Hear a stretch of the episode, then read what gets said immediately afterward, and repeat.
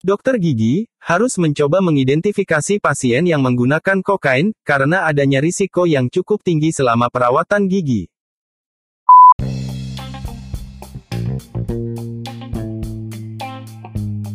Halo, selamat datang di podcastnya Dokter Gigi Gaul. Kali ini, kita akan membahas mengenai hubungan bahaya penggunaan kokain terhadap kesehatan rongga mulut, dan hal apa yang perlu diperhatikan dokter gigi terkait pasien pengguna kokain. Kokain adalah salah satu narkotika yang paling umum digunakan. Hal ini menyiratkan bahwa kemungkinan dokter gigi bertemu dengan individu yang menggunakan kokain sangat besar.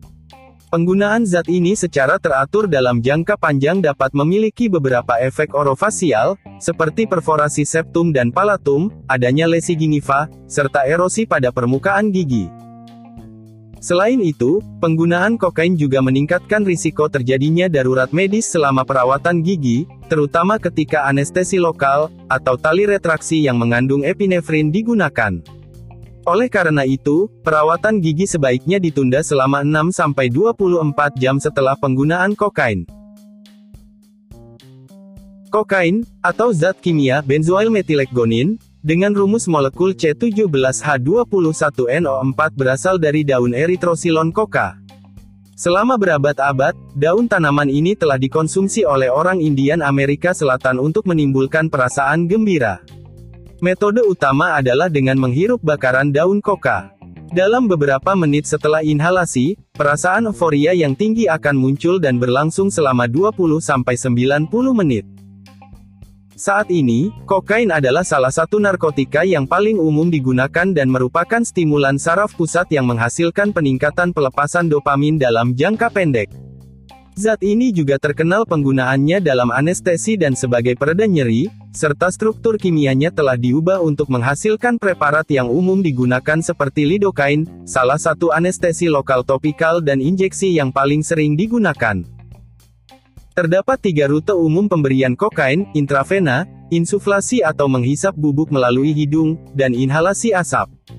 Penyalahgunaan kokain dalam jangka panjang dapat menyebabkan berbagai komplikasi yang bervariasi berdasarkan rute pemberian. Perforasi septum hidung dan lesi ulceratif pada wajah dapat terjadi pada penyalahguna kokain dan dokter gigi yang terlibat dalam penegakan diagnosis serta pengobatan lesi ini harus waspada terhadap kemungkinan adanya penyalahgunaan kokain. Apa saja bahaya penggunaan kokain dan efeknya terhadap rongga mulut? Pengaruh penggunaan kokain terhadap palatum.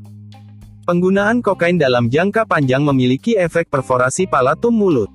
Sejak tahun 1989, setidaknya terdapat 45 kasus perforasi oronasal yang diinduksi kokain telah dilaporkan dalam literatur. Secara umum, perforasi septum nasal terjadi lebih dulu dan beberapa bulan kemudian diikuti oleh perforasi palatal yang membesar secara perlahan. Perforasi oronasal yang dilaporkan menunjukkan variasi ukuran yang cukup besar, diameternya berkisar antara 2 hingga 30 mm. Pasien dengan perforasi palatal juga menderita gangguan bicara yang serius. Bicara mereka menjadi hipernasal dengan artikulasi yang sangat buruk sehingga mereka tidak dapat berkomunikasi secara efektif. Beberapa pasien terpaksa melakukan obturasi defek dengan memasukkan permen karet, sepotong roti putih, atau disumbat dengan kertas tisu ke dalam defek palatal. Pengaruh penggunaan kokain terhadap jaringan keras rongga mulut, atau tulang dan gigi. Pengguna kokain sering kali mengalami bruxism, sehingga menimbulkan nyeri pada sendi temporomandibular dan otot pengunyahan. Atrisi ringan juga dapat mempengaruhi semua gigi kaninus dan premolar pertama, serta gigi insisifus lateral rahang atas.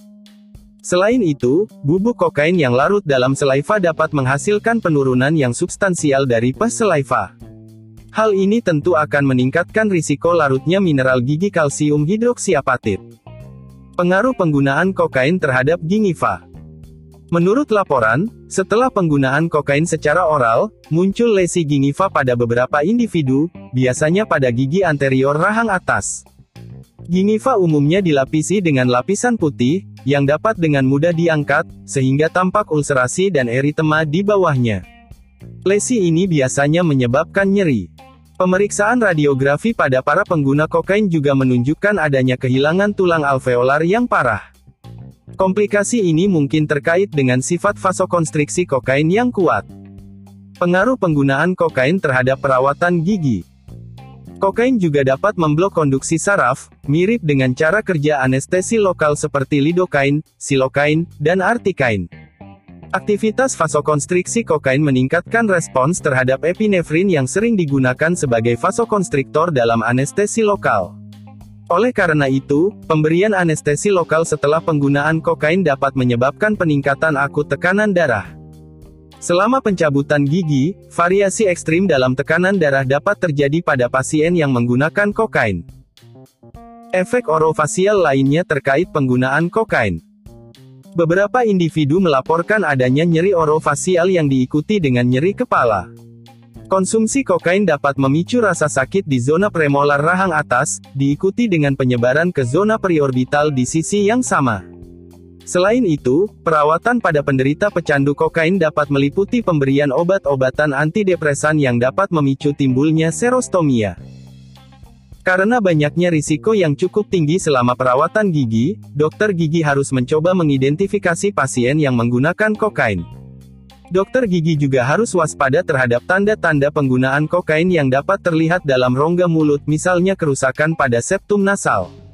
Informasi mengenai penggunaan kokain mungkin sulit diperoleh karena banyak pasien yang akan menyangkal. Percakapan terbuka tanpa prasangka apa pun, dapat membantu untuk mendapatkan informasi dari pasien. Dengan cara ini, dokter gigi dapat menjelaskan maksud profesionalnya terhadap potensi penggunaan kokain oleh pasien. Semoga bermanfaat.